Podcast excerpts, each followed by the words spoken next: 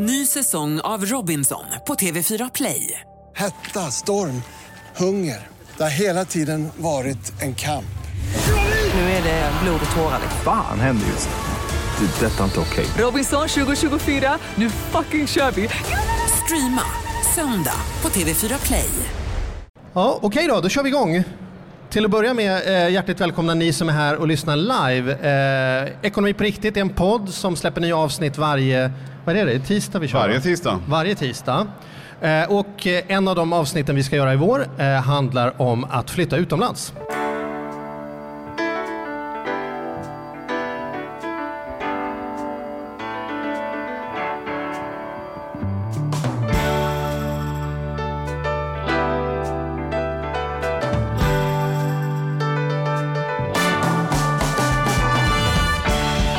Och välkommen till Ekonomi på riktigt med Charlie och Mattias. En podd om ekonomi på riktigt i samarbete med Hemverket.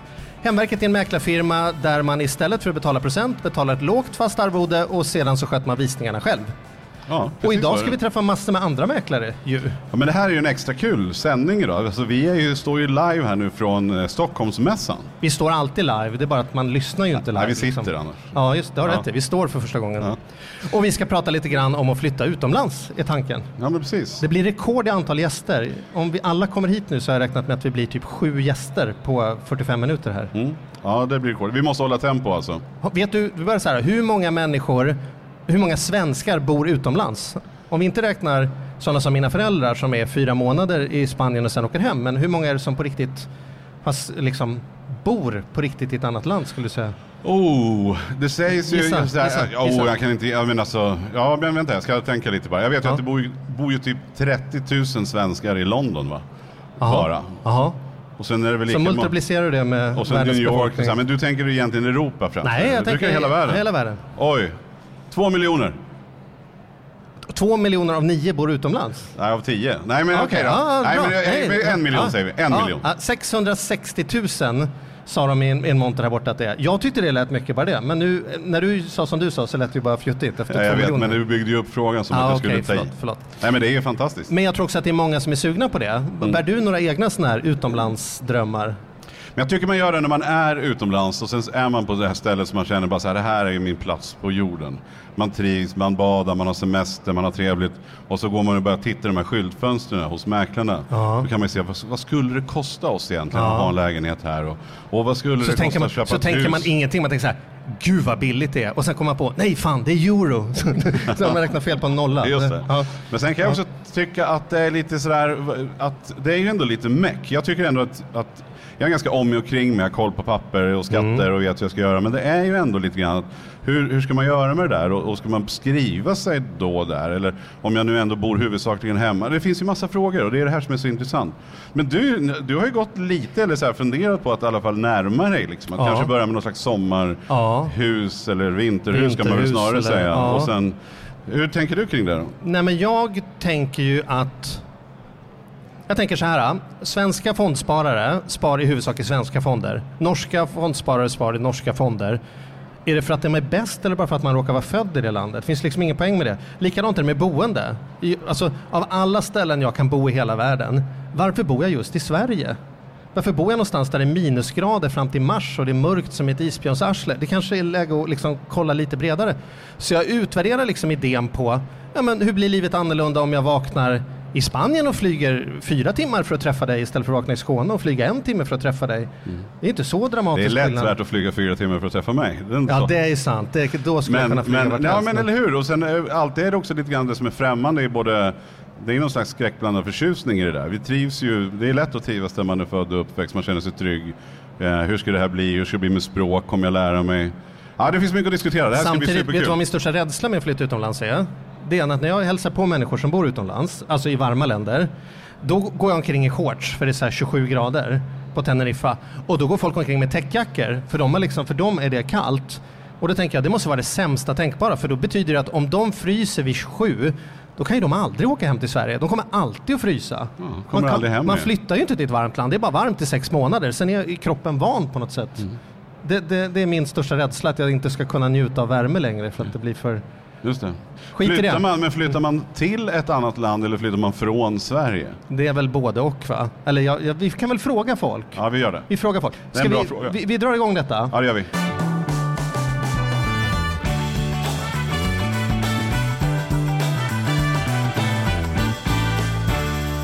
Vi välkomnar fram vår första gäst. Välkommen Åsa Lundborg. Tack så mycket. Hur är läget idag? Det är alldeles utmärkt. Jag ska åka hem ikväll. Är, och vad är hem nu då för dig? Hem i Spanien. Ja. Varför Spanien? Alltid vurmat för Spanien. Jag har rest väldigt mycket när jag var yngre men eh, Spanien har jag alltid återkommit till. Och nu bor jag där.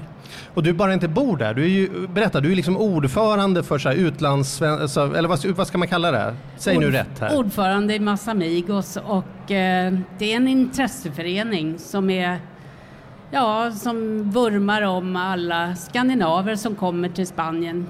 På, speciellt på Costa Blanca då. Så vad skulle du säga kännetecknar en person som tar sitt pick och pack och flyttar utomlands? Vilka är, vilka är det som blir medlemmar hos er? Vad är det för typ av människor? Kan man Om- säga så? Jag tycker inte man får... Jag, jag kan inte dela in eh, människor i typer. Jo, jag, kör. Nej, det kan Kör. jag inte riktigt göra. Utan jag tycker så här att människor som eh, tar sitt pick och plack och flyttar till Spanien, det är kloka människor. De vet att njuta av livet, man har det bra, det är lätt att leva och det är... Ja, överhuvudtaget så får man ett enkelt liv. Är det, mång, är det många som åker ner för att jobba eller åker man ner för att liksom, nu går jag i pension eller nu tar jag ledigt ett par år? För det är också det, om man flyttar sitt liv eller om man liksom tar paus från sitt liv. Vad möter du? Nej, Ja, de flesta har ju varit så tidigare nu att det har varit att man flyttar ner för man är, blir eh, förtidspensionerad eller man har fått avtalspension eller något sånt där. Man är färdigjobbad? Ja, man är färdigjobbad och Ja. jag trodde att jag skulle flytta ner och bara spela golf hela tiden men eh, så blev det inte. Men jag tänker det här Massamigos då, berätta Ja. lite. Är det, när hakar man på det? Vad, vad gör ni? Vad är syftet liksom? Vi, vi ska ju värna om, vårt syfte är att vi ska värna om kulturen, språket och eh, det sociala livet runt. Så vi är bara en, ett serviceorgan till alla som flyttar ner. Vi har temaresor, vi har temakvällar, vi har språkutbildning, vi kan ha med polisen, vad som händer med trafikreglerna som gäller här, hur många promille det är man får köra med och så vidare. Väldigt populär fråga. Men, är, men är det här, är det liksom, är vi svenskar duktiga tycker du på att bli en del av det landet vi flyttar till? Eller har vi en tendens att behöva det här för att komma i kontakt med, förstår du vad jag menar? Jag tycker att vi är jätteduktiga på att Vi ta till oss landet. Ja, Ja. det är vi. Eh, det tyckte jag i alla fall ända tills vi fick en Supermercado Costa Blanca som får nya varor varje måndag. Och plötsligt så dyker det upp alltså hur mycket svenskar och norrmän som helst som köper Melkers falukorv och Kalles kaviar och sådana saker. Ja. Det hade jag inte trott innan. Men är inte det den här klassen, nej, i alla fall de jag känner som bor och som har flyttat utomlands av olika saker. Det kan antingen vara en idrottskarriär som gör att man eh, kanske byter klubb. Mattias eller- känner många såna idrottskändisar. Ja, men precis, som jag jobbar med. Och då, men, men lik förbaskat så de man umgås med, som säger nästan alla, men vi har aldrig träffat så mycket svenskar som när vi gör när vi flyttar hit. Är, är, det det som, är det så? Känner ni av Spanien ens? Är ni inte bara, sitter ni inte bara fiffelurar i en förening där? Hur, många span, hur många spanjorer har du som du liksom firar högtider med och hänger med och hur mycket är svenskar? Om du ska vara ärlig. Om jag ska vara ärlig så är det väl kanske 40-60. 40 Spanien och 60 Sverige? Ja, det är det nog. Då är min Inte bara Sverige utan eh, Skandinavien då? Ja, men då tänker jag att då ligger du ändå ganska bra till. Tänker jag, i jämförelse med många andra. Jag vet, kanelbullens dag är ju sjukt stort på Teneriffa där jag är en del. Liksom. Det är ju ingen som firar det i Sverige. Men där går de på riktigt och delar ut kanelbullar på stan och liksom sant? Och man, man, man blir ett, Ikea vet du, man åker dit för att köpa hårt bröd och grejer och sådär. Så att, eh, Men som Ja. vi har här, här på Costa Blanca, det kan jag ju säga det. Vi har första advent, vi har en medlem då som är så snäll så han skickar ner en stor gran som han har huggit på sin tomt i, eh, i eller sin skog i Småland. Och den tar kommunen hand om och sätter upp mitt på torget Mhm. och, så här, och tänder granen och alltihopa det här. Det första advent och då håller jag tal på både spanska och svenska då och så här. Och då är det lika mycket svenskar och spanjorer som är där. Det är och det är rätt kul. Hur är det jag tänkte bara så här, vi måste vi ska Kör. avrunda och köra nästa gäst, men jag tänkte så här, hur, om man vill hitta er förening, har ni någon hemsida eller vad? Ni heter Moss Amigos, Massa Mass amigos. amigos. Fler vänner. fler vänner. Ja. Och den, har ni någon hemsida? Massamigos.com. Snyggt. Och De vi körde finns- inte .se utan de körde .com. för Ja, att jag kunde ha kört lite.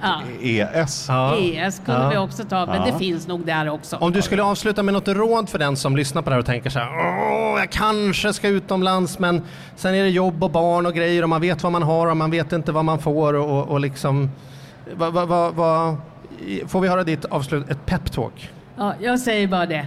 Kom! Ta steget. Man, jag menar, vadå? Det går ju lika lätt att flytta tillbaka igen. Om man, men alltså, man ångrar sig om man, inte, om man inte ens har provat. Ja. Men kom! Det är alltså, ni får ett bra liv. Så är det. Toppen, tack Ja, så, fantastiskt. tack så jättemycket för att du kom och Det gästade oss. låter vi bli slutorden. Tack Tack så mycket. Tack.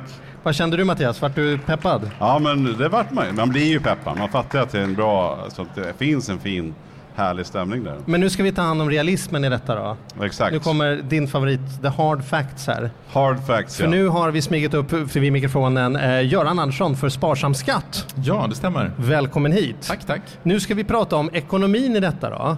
Till att börja med, när man flyttar utomlands, flytt, blir man, alltså, vad blir man? Blir, alltså, vad krävs för att man, ska man vara kvar som svensk och betala svensk skatt och svensk sjukvård men jag hänger mycket i Portugal eller ska jag liksom bli portugis och sluta rösta och liksom så hur, hur, ser normalprocessen ut där liksom? Ja, på en sån här mässa så är det ju många som eh, köper boende utomlands. Dels kanske av semesterskäl, lite som ni pratar om, fyra månader per år. Man blir någon flyttfågel lite så. Men det vi jobbar med är ju framförallt de som tar det fulla steget ut och inte bara köper en bostad utomlands utan också de facto skriver sig där. Och det gör man ju av många olika skäl och det är ungefär 50 000 svenskar per år som flyttar ut fullständigt. Men det är en betydligt mer besvärlig procedur än att bara köpa ett semesterboende utomlands i och med att svenska Skatteverket och lagstiftningen här har så långtgående krav på dig om du ska blidka eh, de här olika lagreglerna som finns. Men om vi börjar där då. Vill man det? Alltså är det, är det fördelaktigt ekonomiskt att bli portugis eller turk istället för svensk liksom? Ja, det är det ju rent ekonomiskt av det egentligen enkla skälet att vi har världens högsta inkomstskatt. Skatten blir alltid lägre var man än flyttar. Men det är inte av det skälet som människor, tror jag, i huvudsak flyttar utomlands, utan det är av det här andra, att det snöar, det, det är bilköer, eh, man är trött på det svenska vinterklimatet, vill prova någonting nytt, livet är kort. Men är det någon skillnad när man, vilken stadie man är i livet? Är det, är, det liksom olika ekonomiskt om jag är småbarnsförälder, om jag är egen företagare, om jag är pensionär? Finns det något Ja, sånt råd att säga? Ja, historiskt det vi jobbar med mest där efterfrågan är störst har ju varit de som står i begrepp att börja ta ut pension. Mhm. Och då är man ju 55 plus. Men trenden som man ser är ju att allt yngre människor tar sitt pick och pack och sin familj och småbarn och flyttar och kanske sitter och jobbar nere i Spanien eller var man nu tar vägen. Kanske IT-företagare och annat som tycker att jag kan ju lika gärna sitta i Malaga som i Stockholm. Men då tänker jag så här, de, de här, du säger att det är lite mer problematiskt för de som tar steget och flyttar fullt ut. Om man skulle säga dem, vilka är de mest, eh, de största punkterna så att säga? Vad, vad är det som är problematiskt? Att till exempel kunna skilja sig från en permanentbostad som man är lite småförälskad i. Den får man inte behålla. Att inte ha kvar näringsverksamhet här i Sverige. Det är liksom en big no-no. Och inte heller ha kvar sin familj, alltså make, maka och minderåriga barn. Men uppfyller man de grupperingarna av lagstiftning, då har man liksom kommit ganska långt. Det vill säga, men vad menar du med permanentbostad? Vad, alltså, Då menar eh, lagstiftaren den bostad där du eh, tillbringar dygnsvilan. ja just det. För att Du får ha sommarstugan kvar men du får Ja, inte just ha lägenheten. Men man skulle i Precis. princip kunna ha lägenheten om man bara inte är i den. Nej. Nej, det godkänns inte. Utan enkelt uttryckt, din permanenta bosättning oavsett hur den ser ut och var den ligger, bort med den. Men kan jag ha ett aktiebolag som jag är delägare i men inte tar ut lön från? Eller måste jag avsäga mig allt ägande i fåmansbolag och sånt här? Eller? Ja, kruxet med allt det här är ju att Skatteverket och lagstiftningen bygger på att det liksom ska ske en total bedömning av allting där man väger in massa saker och någonstans rinner den här glädjebägaren över. Och tar man just bara aktiebolag så säger man att bedriver du näringsverksamhet här så är det inte okej. Okay. Men om du har under 10% i ett bolag, som är din fråga, ni är flera delägare, mm. då anses det vara okej okay om du kanske då samtidigt lämnar styrelsen och flyttar. Och det här med make och barn, som du säger, make maka grejen det är om då någon, inte, om man är själv som flyttar ner så att säga, så kan man inte vara juridiskt gift. Nej, man, man får inte ha kvar sina närmsta här så att säga. Du får inte ens låta Elin tror jag gå på en skola här och ah, själv okay. bo i, i, i Turkiet utan då, då måste, då måste man ja. vara med allihop. Minderårigt barn är det jättestark koppling till Sverige. Ah, okay. Och då är det för att om jag bor i Spanien till exempel så får inte mina barn gå och nyttja svensk skola så att säga? Eh, inte om du vill frikoppla dig från Sverige, men de får ju mm. gå i svensk skola där nere. Ja. Det finns det ju. Det. I Spanien till exempel, ett antal svenska skolor. Mm. Men ha kvar ett barn som, som, som vanligt bor här är ett problem. Undantaget kan möjligtvis vara internatskolor och, och liknande i några rättsfall. Men, men enkelt uttryckt, familjen måste följa med. Men hur smart ska man vara då? Därför att det här är ju som att man spelar Monopol i en match där spelreglerna ändras varje år. Då har jag liksom maximerat här, jag har sålt ut i bolag, jag har flyttat till ett land och sen så, ja fast nu ändrar vi, från och med den första maj är det så här. Alltså, hur smart ska man vara? Det här måste ju vara ett ständigt problem för sådana som dig. Eller tvärtom, en kassako för sådana som dig. Det skapar Folk... många möjligheter också. Lagstiftningen ändras hela tiden. Nej, men jag tycker, nummer ett ska man inte flytta bara av skatteskäl, men om man ändå tar det här stora steget och längtar till sol och värme, då är det klart att man ska ju titta på hur funkar reglerna och vad, vad påverkar det för mig och hur ska jag liksom göra på ett, på ett schysst och korrekt sätt, men ändå se till att göra bra för plånboken. Och då finns det definitivt vissa fördelar som, som man kan dra nytta av i och med att det skiljer mellan olika länder i skattehänseende. Men om du generellt ska lägga, jag förstår att det beror på var man flyttar, men vad är det man främst ska tänka på då? Om vi ska, dina tips där, om man nu tar beslutet så här, ja vi ska flytta utomlands. Ja, då är det ju att följa lagstiftningen och vara transparent mot myndigheterna och förstå vad lagstiftningen innebär så att man inte missbrukar den medvetet eller omedvetet. Men sen när man väl bestämmer sig för det, nu ska jag göra allting korrekt, Se då till att se över vad får det för påverkan för min pension till exempel? Ska jag ta ut det på kort eller lång sikt? Finns det några fördelar av att göra på ena eller andra sättet? Och då är det klart att vissa av de människor vi träffar som går på en sån här mässa, de, de kanske är öppna i sinnet och tänker jag funderar mellan tre, fyra olika länder i Sydeuropa. Och då blir det ju till syvende och sist en plånboksfråga hur skatterna mellan de länderna skiljer sig. För jag mm. kanske får råd med ett boende eller jag kanske kan gå några år tidigare i pension om jag flyttar till landet X kontra landet Y. Och kan vi få höra då, vilket är landet X? Om, man, om du bara skulle prata utifrån skatteperspektivet, ja. vilket land är det man ska flytta till för att ha det mest fördelaktigt som svensk? Ja, om, om jag vore en blivande pensionär och ska ta ut pension, om vi tar en genomsnittlig svensk pensionär så blir Frankrike det bästa landet av alla länder vi jobbar med, mest mm -hmm. fördelaktigt. Men här kan man förmodligen, vi kommer inte hinna gå så mycket mer djup i det här då, men eh, otroligt spännande. Och då, vad, finns det något enkelt sätt att ta reda på det här? Finns det, har Skatteverket en hemsida? Skatteverket har en bra hemsida och en, eh, en bra servicemyndighet som man kan vända sig till. Sen finns det aktörer som vi och en del andra som jobbar med det här mm. eh, ute på marknaden. Ja, men jättebra. Vad bussigt att du kom. Stort tack. Ja, men bug och bock. Tack så mycket. Tack så tack. jättemycket.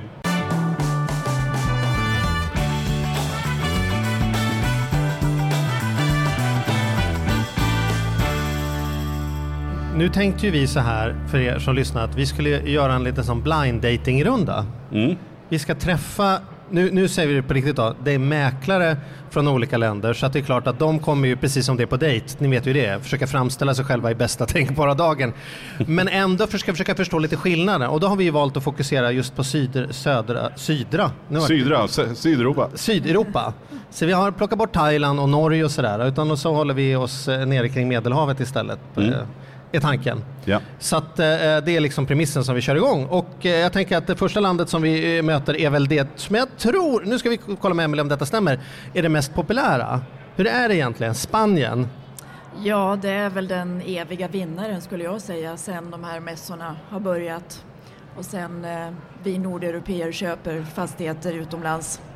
Det är Spanien som har varit starkast alltid. Men, men alltså beror det på att, vi, att det är mest sol? Att Man, kommer så långt, man kan komma så långt söderut som det bara går och vara kvar i Europa? Jag tror att det har att göra med att det är så inkört. Det har byggts och sålts till skandinaver, framförallt svenskar, i över 40 år i Spanien. Så alla känner någon, har någon bekant eller familjemedlem som äger någonting i Spanien. Mm. Men är det, är det för, nu är det farligt att ställa den här frågan till dig, men jag provar ändå.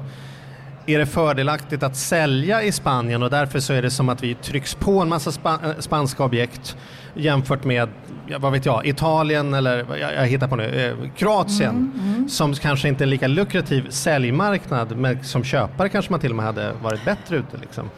Jag anser att eh, när man gör en investering i en fastighet och speciellt utomlands så ska det ju finnas en marknad, en inhemsk marknad. Ja. Kan du sälja bostaden i det landet där du köper till den inhemska befolkningen, då gör du en säker investering. Men har det här varit nu, för det är klart att konjunkturerna det går ju upp och ner, men jag menar de sista åren så har det ju varit, det var ju nästintill eh, kaos i Spanien med bostad, bostäderna för bara ett par, tre år sedan. Jag vet inte hur det är nu, jag är inte helt påläst, men det har ju varit billigt så att säga, även Ja. för den inhemska marknaden. Ja. Men det känns som att folk eh, fortsätter i alla fall. Påverkas Ja. det här? Har, har det varit någon skillnad de sista åren, skulle du säga? Den krisen som kom påverkade det ju positivt för de som sökte bostad i Spanien Mm. i och med att priserna föll och det såldes mycket av begagnade objekt. Nyproduktionen stod ju stilla Mm. men de gamla såldes ju ut till rejält låga priser. Allting föll ju pladask. Men eh, det här har ju återhämtat sig. Det var ju 2008-2009. Nu är det på väg upp. Eh, priserna har stigit sista två åren med 20 procent per år. Det är väldigt mycket ny produktion som byggs eh, längs hela kusten så det är en väldigt attraktiv. Men vågar man köpa nu då? Förlåt? Men eh, vågar man det nu om priserna gått upp 20 procent och sådär? Det... Ja, det är en jättebra Sa han som har köpt en lägenhet på Södermalm.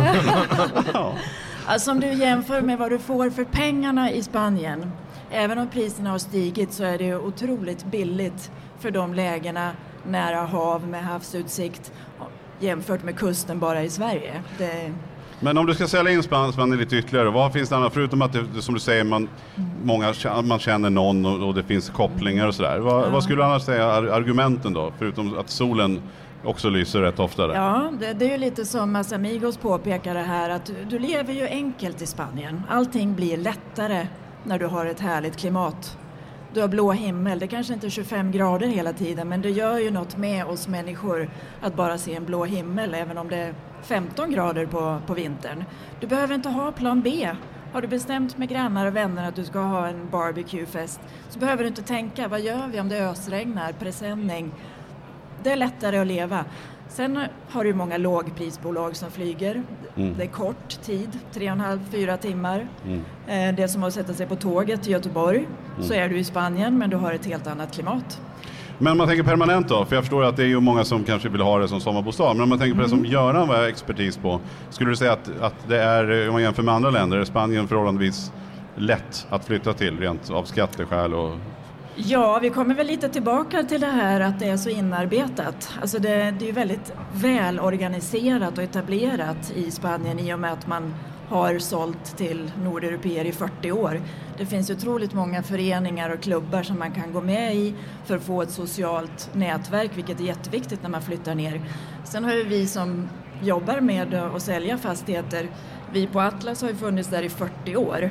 Så att vi kan ju hela det här var, var behovet ligger för våra kunder att kunna föra in dem i samhället och styrka upp deras närvaro i det spanska livet. Vad ska man vara försiktig med om man flyttar till Spanien? Jag tänker att det, är många, det finns många lycksökare inom alla branscher. Jag tänker att det, Det eh, det. kan vara så då och så när något land är så populärt att det är många som tänker att här ska vi vara med och ta en del av den kakan. Ja. Eh, det fungerar ju så i Spanien bland mäklare. Alla mäklare säljer alla objekt.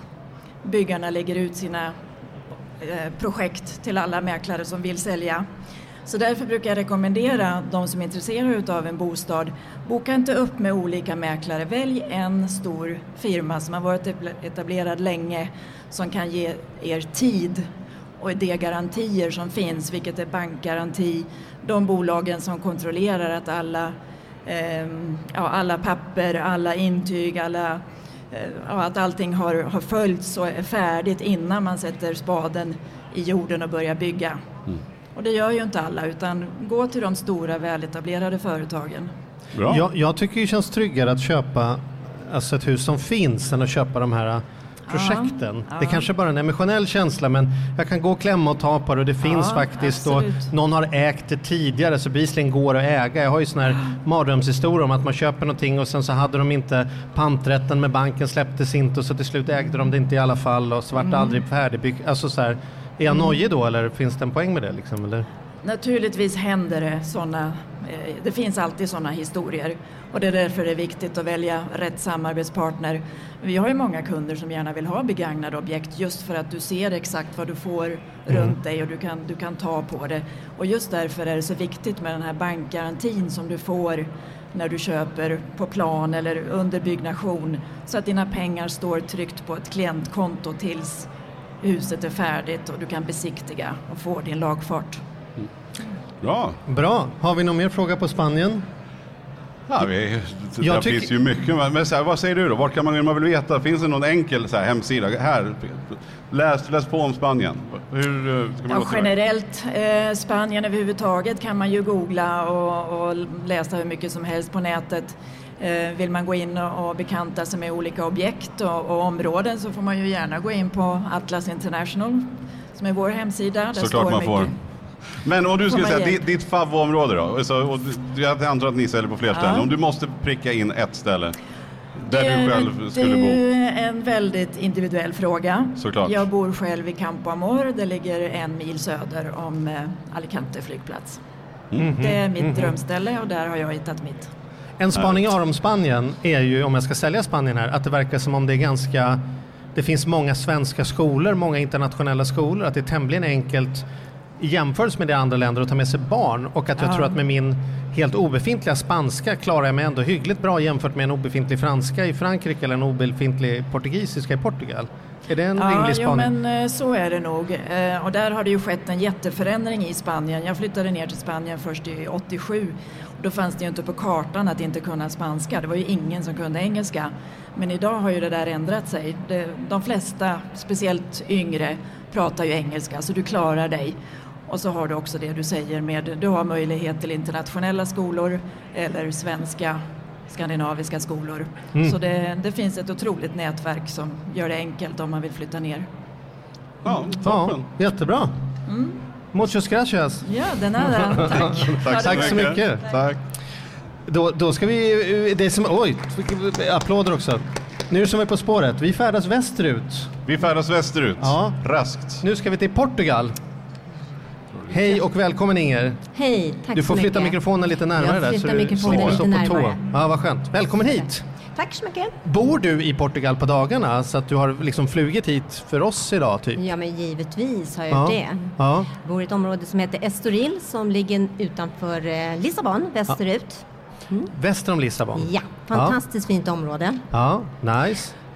Ja. Vi gick runt på mässan tidigare här och min fru gjorde spaningen. Man vill ju inte prata med en fastighetsmäklare på en köpa bostad utomlandsmässa som är blek. det var hennes spaning. Tänk så här, då, då bor de nog inte ens där Ja, själva du, det säljer. kan vara brun utan sol Ja, också, vem men du vet? säger ju, du säger ju och, och verkligen på riktigt, eh, hashtag Jag på kan riktigt. säga att klimatet är ju en av fördelarna just med Portugal också, att det är så fint klimat. Det är ju mellan 15 till 20 grader i princip i Portugal. Va? Så det är ju Vad, vad skulle du säga, vad är den stora skillnaden mot Spanien då? Om vi var i Spanien nyss, du hörde ju vad som sades här. Vad är det jag får i Portugal som jag inte får i Spanien liksom? Ja, marknaden är väl lite, lite olika. För i Portugal så är det många som flyttar ut från Sverige, verkligen flyttar ut från Sverige och så att säga skriver sig i Portugal. Så vi säljer ju inte så mycket semesterbostäder utan vi är lite mer fokus på hela det här konceptet av att flytta utomlands. Men var det inte, jag har för mig läste någonstans att Portugal är det land som flest pensionärer, alltså svenska pensionärer flyttar ut till, eller Ja, flyttar det stämmer. till. Det stämmer. Ja. Det är ju inte så här jättestora mängder va? men det har ju ökat för Portugal har ju legat lite i skymundan framför då exempelvis det stora grannlandet Spanien nu som vi hörde. Eh, och det har ju kommit väldigt, väldigt starkt de sista ska vi säga, tio åren Portugal. Att man Mm. har upptäckt Portugal, ett litet nytt äventyr helt enkelt, upptäcka ett nytt land. Men vad är fördelarna då? då? Ja, det är många fördelar. Eh, för det första så kan jag väl ta en sak som idag tycker jag är väldigt viktigt i dagens samhälle. Det är det här med brottslighet. Det är väldigt låg brottslighet i Portugal. Man kan känna sig väldigt trygg. Och det finns så mycket sådana statistiska listor man kan titta och det här är det tredje landet i världen som är det säkraste landet. Och det är rätt så häftigt. Eh, sen har du väldigt låga levnadskostnader också. Det är många länder som har låga levnadskostnader men här är det väl, kostar något i Sverige 100 kronor när du går i butiken så kostar det 50-60 kronor i Portugal. Är det billigare än Spanien eller är det typ samma eller? Det är lite beroende på vad det är för någonting men överlag är det väldigt, väldigt billigt i Portugal för man har inte riktigt hunnit med utvecklingen. Och det som har hänt i Portugal är att man slutade alltså bygga bostäder för sådär 10-15 år sedan när den här boomen kom och vi pratar om 2008 när finanskrisen kom. Då byggde man inte så mycket bostäder utan allting har hänt just nu. Så sista åren här har ju bankerna beviljat bygglov till byggherrar och man får ja, börja bygga och bygglån och sådana här saker. Så att nu börjar samhället rulla på. Så att nu är det mer liksom så upcoming area. Va? Så det är så mycket som händer i Portugal just nu och nu står det lyft, äh, byggkranar nästan var och varannat hörn. Va? Men om man, men om man ska jämföra då prismässigt, eh, försöka, det är klart att det är Mm. skillnad bara för att det är två olika länder, men om man ändå ska jämföra motsvarande läge, motsvarande storlek på bostad, eh, hur, ligger hur ligger priserna Ja, kontra till så här, I exempel Portugal Spanien? bygger man ju väldigt mycket bostäder för att det ska vara, man ska bo där året runt. Så man är Mm. väldigt mycket noga när man bygger det här med treglasfönster och värmegolv och sådana här saker. För det är ingen semesterbostad. Men prismässigt ligger man ju relativt lika Spanien och det gör man. Men Mm. det finns tre olika regioner. Först har du Algarve som är den södra regionen, den södra kustremsan. Där är ju generellt bostadspriserna betydligt lägre än vad de är runt storstaden som är då Lissabon och Estoril och Cascaisområdet. Det är ungefär halva priset mellan de här områdena. Och sen finns det ju då den, sö- eller den norra, nordvästra kustremsan ska jag säga. Den heter Silverkusten och det är relativt låga priser där också, lite Algarvepriser. Eh, och semesterbostäder pratar man om det. Säljer man sådana så är det mest på Algarve på den södra sidan då, närmare Spanien helt enkelt. Va? Mm. Och dit är det med boende där man bosätter sig året runt, kanske lite mer i Estoril och Cascais. Hur är det med, hur är det med om man, om, inte, om vi tittar på andra änden då, inkomstsidan, hur är det med att kunna få jobb i Portugal? Är är man chanslös om man inte pratar portugisiska flytande? Eller, förstår du vad jag menar? Ja, jag förstår. Skolor, hur gör jag med min nioåring om jag kommer till Portugal? Liksom, Ja, och, då kan jag säga att det finns en svensk skola som ligger utanför Lissabon i ett område som heter Carcavelos och den har funnits där i 50 år. Den, den har aldrig varit så mycket elever i skolan som det är idag. Den toppar tror jag på 50-60 elever. Så det vi har men då just- kan jag inte bo på Silverkusten du, då blir det lång då pendling på morgonen. Och då får man välja en internationell skola istället. Va? Och det är Mm. samma sak, bor man på Algarve då tar man en internationell skola. Va? Ja. Så att, eh, och det betyder att vi har två olika grupper som flyttar ner nu. Först har vi det här vi pratade om som Göran från Sparsam Skatt pratade om, den här pensionärsgruppen som kommer ner. Eh, och sen har vi den här nya generationen som kommer ner. Det är ju barnfamiljer som flyttar ner som är runt 40 år, har barn och sätter dem i skolan. Och då kommer vi in på det här lite med jobb. Va? Man kanske etablerar en firma, bosätter sig i Portugal och jobbar helt enkelt. Så man flyttar hela familjen utomlands. Hur skulle du säga då med de här juridiska sakerna just när man flyttar? För många flyttar som du säger permanent om man Mm. flyttar till Portugal. Är det, är det enkelt och fördelaktigt tycker du om du jämför med till exempel Spanien igen då? Ja, vi säger så här att det är viktigt tycker jag när man kommer till Portugal att du har hjälp, ta rätt rådgivare, ta hjälp i hela processen. Allt från då en auktoriserad mäklare som vi är också och en advokat så att hela processen blir rätt. För att när du kommer ner så ska du ansöka om det vill säga en skattestatus och du ska få ett skattenummer och allting ska gå rätt tillväga. Så ta all hjälp du kan få. Då är det inte speciellt byråkratiskt men om man försöker göra det själv då kan det vara lite knepigt. Då, då. Eh, I Portugal pratar ju alla i princip engelska också va? så du Mm. behöver inte kunna portugisiska om du inte vill utan alla pratar engelska. Men kanske räcker med att man kan svenska numera? Nej, det har inte riktigt blivit så utbrett för det är, alltså, det är inte så himla mycket om man jämför med Spanien som är grannlandet där det flyttar otroligt mycket svenskar som har en lång historik. Så har ju Portugals den här startsträckan har ju varit kanske bara i tio år va. Eh, och det är ju otroligt mycket svenskar som har köpt nu och kanske tänker, intentionen är att flytta ner om fem, tio år men de köper bostaden redan nu. Men det finns Vasaknäcke och eh, svensk kaffe om man vill Ja, ha? det börjar faktiskt komma nu. Det har inte funnits tidigare men det börjar komma nu också va. Så att, eh, Det är pinsamt att du ställer den frågan Mattias. Oj, du som var inne på kanelbullens dag Ja, nu. ja, Och det Måste ryktas ju bara någon, följa någon upp det. vill öppna ett litet svenskt café och lite sådana Ja. saker. Va? Och det är Ja. väl jättetrevligt. Det är Ja, jättetrevligt go tycker jag. Ja. ja, men jättebra. Tack så mycket Inger. Tack så mycket. Tack så jättemycket. Vi ska fortsätta ännu längre västerut. Hur kan man Kan- komma längre västerut eh, än, än Portugal? Ja, det är frågan. Det kan Och- man ju. Det kan man ju. Vi ska nämligen be oss ut till Kanarieöarna. Ja, det är ju lite där du brukar hänga. Ja, där brukar jag hänga och faktum är, nu ska jag outa dig, jag brukar fan, eh, till, till exempel hänga med Jorge som, som är här nu. Välkommen! Tack. Du får vara ännu närmare mikrofonen så att eh, obehagligt nära. Du, Okej. ja. eh, du, eh, mäklare på Teneriffa. Yes. Varför ska man välja eh, att vara ute på öarna istället för att vara mainland eh, Ja. Spanien, Portugal? Vad, vad säger du är fördelarna? Ja, det finns många fördelar, men jag skulle välja tre stycken. Det, för det första skattemässigt, till exempel, både när man köper och när man bor i Teneriffa, det är lite billigare än fastlandet till exempel i, i Spanien. Jag, jag jämför med Spanien. Ja. Jag vet inte riktigt hur det är i Portugal. Men eh, skattemässigt är det mycket, mycket billigare. Och, både att köpa och, och äga och sen leva. Eh, sen pratar vi om vädret till exempel. Vädret, eh, det finns inget annat ställe i hela Europa sett som man kan bada 52 veckor per år. Så att man kan ha ja, sol och så, men Teneriffa vi har mellan 20 och 30 grader året runt. Och den är väldigt speciell för att det blir inte kallt på vintern, men det blir inte heller speciellt varmt på sommar. Så det är alltid väldigt behagligt vädret. Sen till sist är att eh, någonting som vi har inte pratat mycket här, så investering också. Det är inte bara, man köper inte bara för att bo, utan man, det är många som vill investera också. Och det finns en lägenhet i, i, i Teneriffa, man kan hyra ut den i stort sett året runt. Så man behöver inte ha dåligt samvete när man använder inte lägenheten, om man, utan lägenheten kan jobba åt dig också under, under tiden. Så det, Så jämfört med typ Spanien, mainland Spanien eller Portugal där det finns, det finns ett, ett gäng veckor som man både Ja, själv vill vara ja. där och kan hyra ut. Sen är det inte lika lukrativt. Så säger Nej. du att på Kanarieöarna då finns det alltid det, fin, det, det finns väder för att hyra Ja, ut menar, per vecka vilken i, vecka som i, I helst. fastlandet det, det finns vinter. Det är inte som i Sverige, men det, men det finns vinter fortfarande. Alltså det, ja, man kan gå ner till 12-15 grader och så. Och då, då kanske det inte är då man vill när man åker ner från Sverige. Man, ja, svenskar vill eh, efter solen när man kommer till Spanien. Och det, ja, det kan vara lite sådär. På andra ställen, Teneriffa, man har garanterat 52 veckor sommar. Om man säger så. så det, Men, men hur ligger priserna då jämfört? Om du nu köper en lägenhet eller hus eller vad det nu kan vara då? Vad, Om Ja. du jämför med fastlandet då? Ja, det, det beror lite givetvis vad man köper. Vi, Ja, vi, ja, vi, vi, vi jobbar framförallt i södra Teneriffa, det är en turist, södra kusten. Och det är en turistområde som går upp så här priserna just nu, det ligger eh, ja, så här. Så det, ja, det, jag, jag skulle säga det, att det ligger lite högre priset att jämföra med Alicante till exempel. Det, det, har- det har jag tittat lite på. Det. Men grejen är att den där kompenserar sig med att hur mycket kan använda den där lägenheten över tiden. Eller hur mycket pengar kan man få ut av den där lägenheten när man är inte på plats.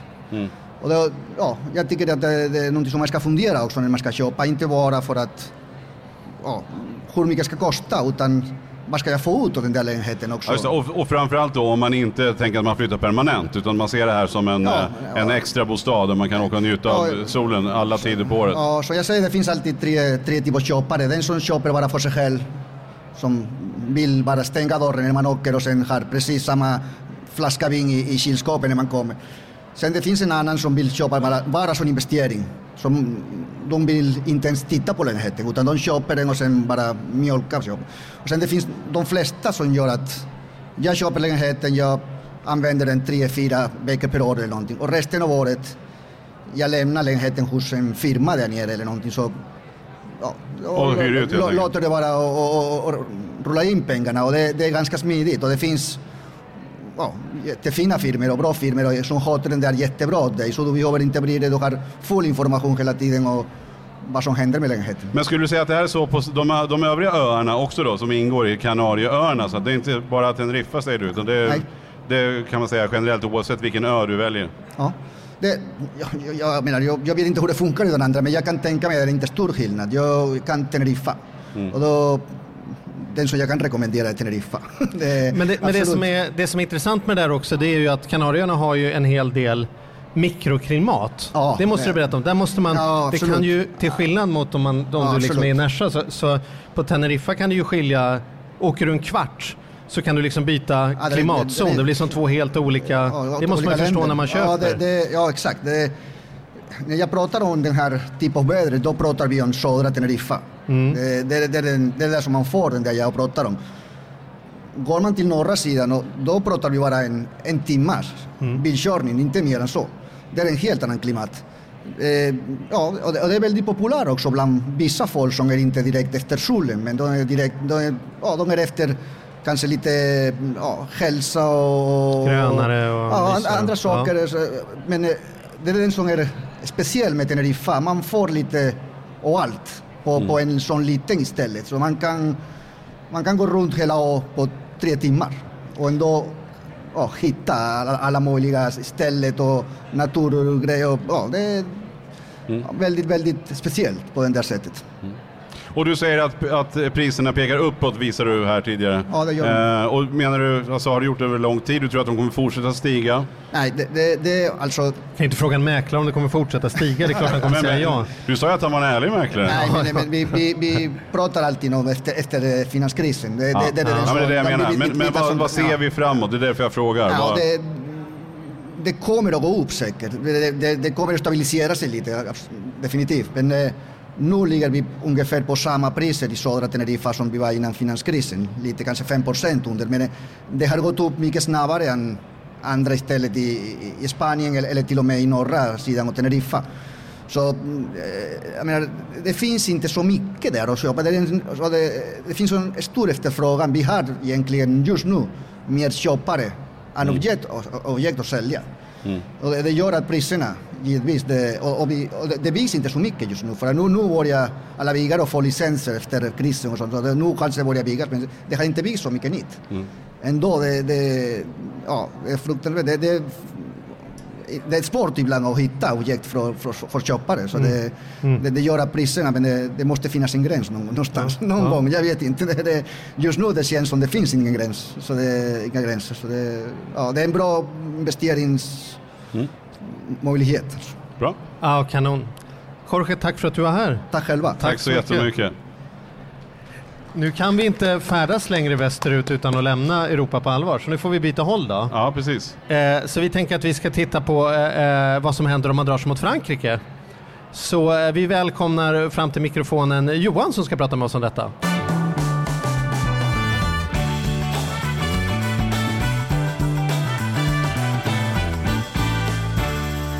Hur är läget Johan?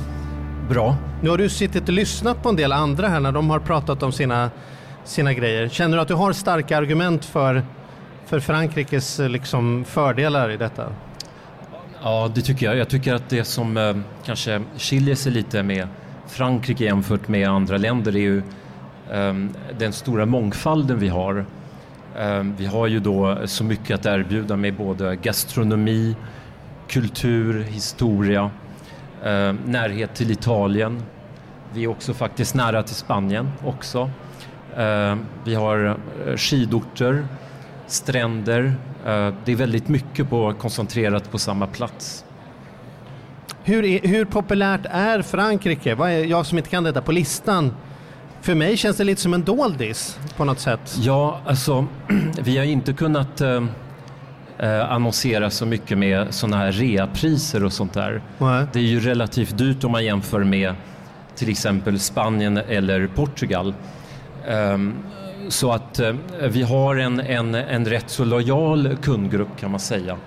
Eh, frankofiler som bara kan tänka sig Frankrike och då eh, där jag jobbar franska rivieran. De kanske har haft familj som har ägt någonting där när de var unga, har semestrat där och så vidare. Ehm, när vi har kunder som kommer till våra monter och som bara alltså, frågar hur mycket priserna har gått ner eh, och hur dyra vi är jämt, jämt, jämt med andra länder, då är det ju lite svårt att konkurrera. Eh, Så det, vi har ju märkt att det, att det är ju ofta kunder som från början redan har bestämt sig för, för Frankrike som kommer till oss.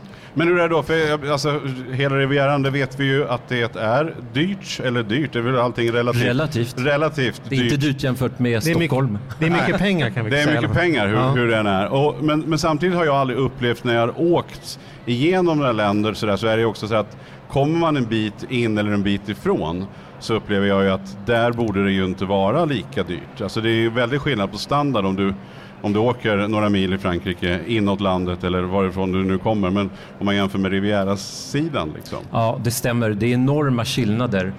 Ehm, du kan, jag kan ta eh, ytterligheterna. Ehm, om du tar till exempel La Croisette i Cannes så kan du ha fastigheter upp till eh, 50 000 euro per kvadratmeter. Och sen så behöver du bara åka ungefär 45 minuter bil därifrån till antingen emot Le Var eller till eh, eh vissa byar, byar norr om Nice som till exempel Le Broc. Eh, så kan du hitta bra saker för 2500 euro per kvadratmeter.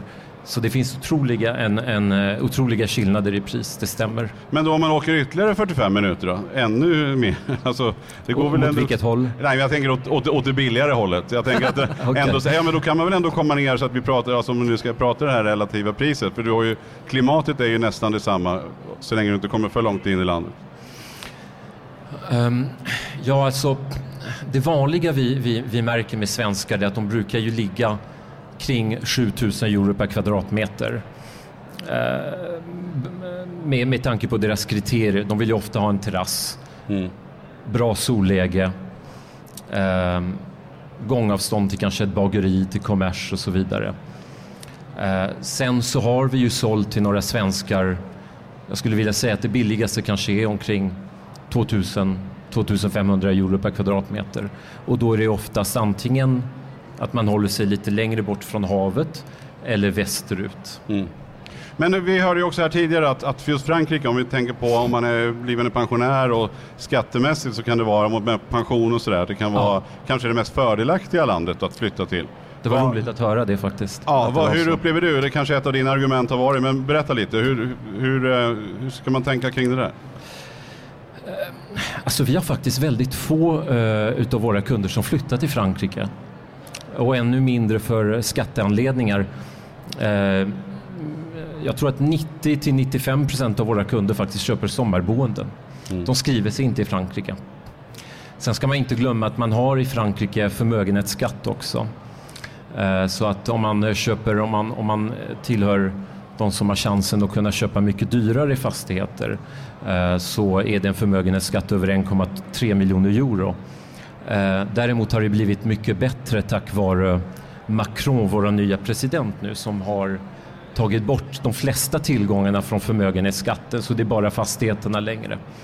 Men eh, det, det, det, det där är ju någonting som Göran Andersson kan svara på mycket bättre och jag är väldigt glad att höra att eh, Frankrike är det bästa landet att flytta till men min erfarenhet är att eh, det är inte därför man flyttar till Frankrike. Det är just att man är frankofil och, och Ja, men vad är det? Men vad är främsta Ja. anledningen? Ja, jag har bara sälj nu då, Jag har ju Frankrike. trivts som attan när man är nere på Rivieran. Du är lite Frankrike-kille Ja, men jag var ju säkert varit där 15 gånger eller något sånt här, 20 Ja. gånger kanske. Ja. Eh, men, och det är någonting, och jag tycker att för mig är det den här mixen av vattnet och restaurangerna, det här pittoreska och sådär. Att det Men är dyrt gillar väl, alltså, du- gillar väl att det ska vara lite flott va? Nej, inte det, nej, absolut inte. Det råkar vara att jag har haft kompisar som, som har gjort att jag har hamnat där. Ja. Men, men eh, vad, vad, är, vad är dina, vad säger så här, sälj in då liksom. Vad, vad är det? För jag menar, det här upplever jag när jag har varit i Spanien och eh, Portugal har jag inte varit, men när jag har varit i Spanien så upplever jag också det här egentligen. Liksom. Ja, jag, jag måste tyvärr vara tjatig och komma tillbaka till det där med mångfalden. Ehm, det, till exempel, jag har ju varit med om eh, några veckor i mars där jag har åkt skidor en dag och dagen efter är jag på stranden.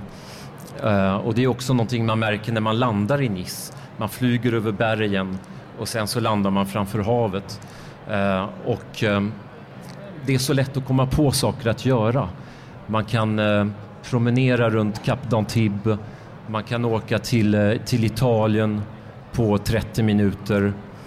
Eh, när jag kommer tillbaka till Frankrike nu ska jag åka skidor. Eh, jag kan fortfarande gå på stranden, till stranden. Eh, varannan helg brukar jag besöka sådana här charmiga, pittoreska byar, hitta nya restauranger. Ja, jag, kan, jag har svårt att hitta någonting bättre än, än mångfalden för att eh, beskriva just fördelarna med franska rivieran. Nu ska jag hitta på en nackdel som jag inte vet finns. Men jag tänker, när jag tänker fransmän, ordet inkluderande är ju inte det första som dyker upp i mitt huvud. När jag tänker så här, jag som svensk i Frankrike, om jag inte parle français, liksom, hur, hur lätt är det att komma in i den där lilla pittoreska byn eller kommer folk spotta efter den när jag har handlat mina baguetter? I alla fall, förstår du, det är en rädsla som jag har som jag inte har kring Spanien till exempel. Alltså jag tror att det har blivit mycket bättre på de senaste åren. Ehm, bland annat för att fransmännen pratar bättre engelska. Ehm, men också för att de har upplevt så många andra den här bankpaniken 2008. Och de är inte längre lika bortskämda som de kanske var 2003, 2004. De kände som att de, eh, vad de än gjorde så fick de bara fler och fler turister och, Mm. och utländska besökare. Nu har de insett att det är inte så enkelt. Även i Frankrike måste de eh, ge en bra service och vara trevliga. Och så har de också märkt att de börjar konkurrera med andra länder. Eh, Det finns både mm, Kroatien, Grekland, Spanien, Portugal och så vidare. Så jag tycker att det har blivit mycket bättre faktiskt. Mm. Jättebra. Tack så mycket Johan. Tack för att du Jesse, tog dig tid. jättemycket för att du kom. Tack, tack. Du, vi hade ju kunnat hålla på med tio länder till. Ja, men, och man blir, man, vi Italien, hinner ju bara Grekland, skrapa lite på ytan. Man får ju tänka att, att alla lyssnare får gå in helt enkelt då. Man har väl en bild, men det finns ju mycket info att hitta. För det, det är ju, åh, jag hade velat ställt många fler frågor. Mm. Hur är du själv då? Blir du sugen när du hör Johan prata Frankrike? Jag ser ju att du blir lite mer sugen ändå än... Eller? Men det är väl återigen som man, där man har relaterat till. Man känner sig trygg där man har varit och det är väl där man måste våga tänka lite nytt tänker jag. Tog ju dig Att det är så 45 år att lämna Nyköping så det kanske känns Ja, stort att ta dig hela vägen till... Då, precis, då förstår du hur man till behöver, Frankrike. jag behöver några år till. Nej, men jag tror att det är lätt att man, just som du säger, jag har en del kompisar i södra Frankrike och då har det blivit att där känner man sig hemma, man känner sig trygg.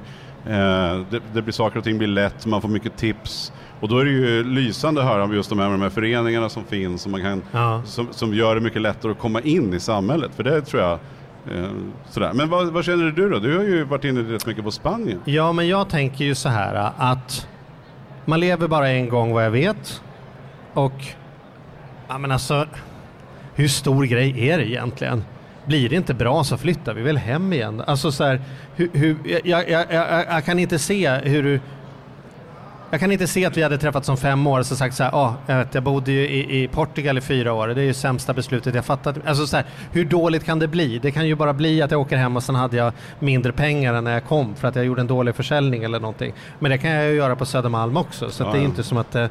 Så jag är så här, jag känner att jag har inte så mycket att förlora. Men är det för att du, du har ju dina föräldrar som har sommarhus där, eller vinterhus, vad vi nu ska kalla det för. Ja, i Spanien. I. Spanien. Ja. Är, är, det- är det där, liksom, vad är det som lockar just Spanien för dig själv då? Här, vi har ju så mycket bra om Portugal här och vi har om Frankrike och Nej, Kanarieöarna har det varit mycket och på kanelbullens Jag tror, att dag jag tror att det snurrar in, jag tror man snör in sig på, man har någon bild av hur det ska vara. Mm. Spansk mat och spanska viner. Jag har ju inte för avsikt att lämna Sverige. Jag kommer ju inte aldrig, eller i alla fall inte min plan att jag ska liksom bli fast boende utan jag tänker att du och jag ska fortsätta podda varannan vecka och jag har ju massa bolag med jag driver och superintresserad och engagerad i så jag ser ju inte framför mig att, att jag liksom, jag ska inte gå i pension. Nej. Liksom. Det är 20 år kvar tills dess. Så, så då känns det ändå hyggligt nära. Apropå eh, hur besvärligt kan det vara? Det är väl bara att åka hem då, tänker jag. Jo men jag tror också många kanske tänker som att de det är säger, det är lika långt som det är med tåget till Göteborg Ja men flyget. precis. Och jag kan också känna så här att det finns ju uppenbarligen, det är en hel, vi står ju här mitt i en hel mässa med folk som Ja. kan det här. För jag tror också att det är främmande att man går till den lokala banken och säger hej jag ska flytta till Portugal. Eh, och då kanske man inte ska prata med en bankman eh, på Södermalm om det. Då, då ska man nog prata med någon som Mm. bor i Portugal eller har erfarenheter av det. Mm. Och där finns det ju massor med info. Man hör ju så här, det är ingen som tycker att det här det är inget märkvärdigt, det vet vi nu. Det är inget märkvärdigt att flytta eh, oavsett om du flyttar permanent eller om du vill köpa för att investera eller köpa för att ha som vintersommarhus. Nej, men det är ju därför vi har EU, för att det ska vara lite okomplicerat och röra sig över gränserna. Då, då kanske man ska använda sig av det. Ja, absolut. Du, vi får väl avrunda där. Om eh, ni tycker detta är intressant så kanske vi får chans att återkomma om ett år och göra en del två och plocka upp lite Grekland, Kroatien, Italien och lite andra länder. Men nu fick vi nosa lite västerut i alla fall där. Ja, vi går österut nästa vår. Ja, Mm. ja, bra. Snyggt. Tack för att ni var med oss. Vi hörs igen om 14 dagar eller kanske redan nästa vecka. ja, nästa vecka va? Nästa vecka.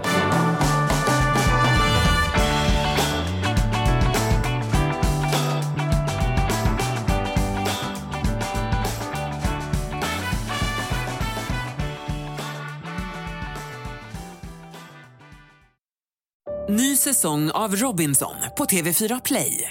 Hetta, storm, hunger. Det har hela tiden varit en kamp. Nu är det blod och tårar. Fan händer just nu. Det. är Detta är inte okej. Robinson 2024, nu fucking kör vi! Streama söndag på TV4 Play.